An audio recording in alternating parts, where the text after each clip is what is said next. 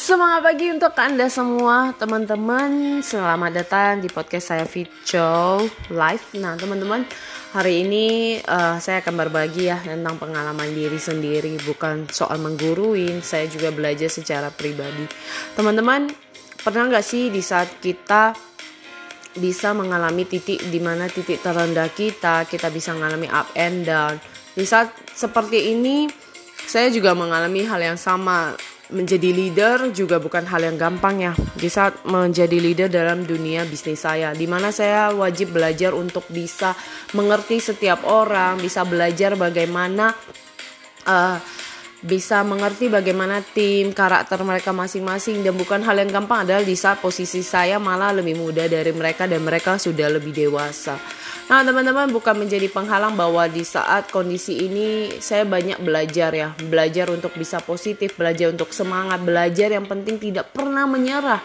Karena hidup ini nggak pernah berhenti uh, menyerah mengajari kita banyak hal di saat saya menyerah biasanya apa sih yang saya lakukan?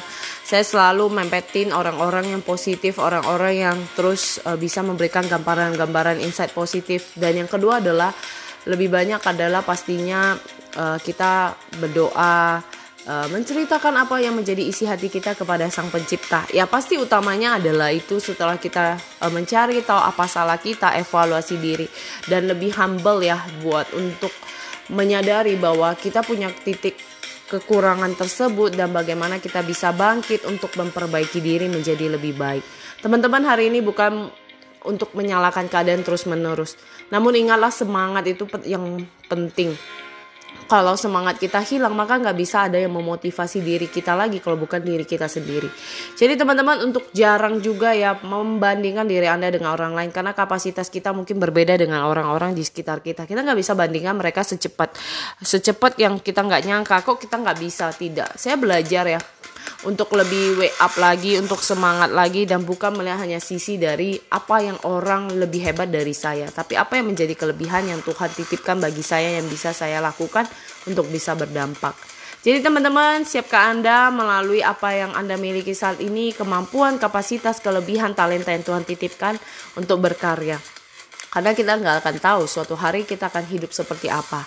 Tapi seberapa besar hasil-hasil karya yang sudah kita berikan untuk bisa memberikan dampak yang positif buat orang di sekitar kita.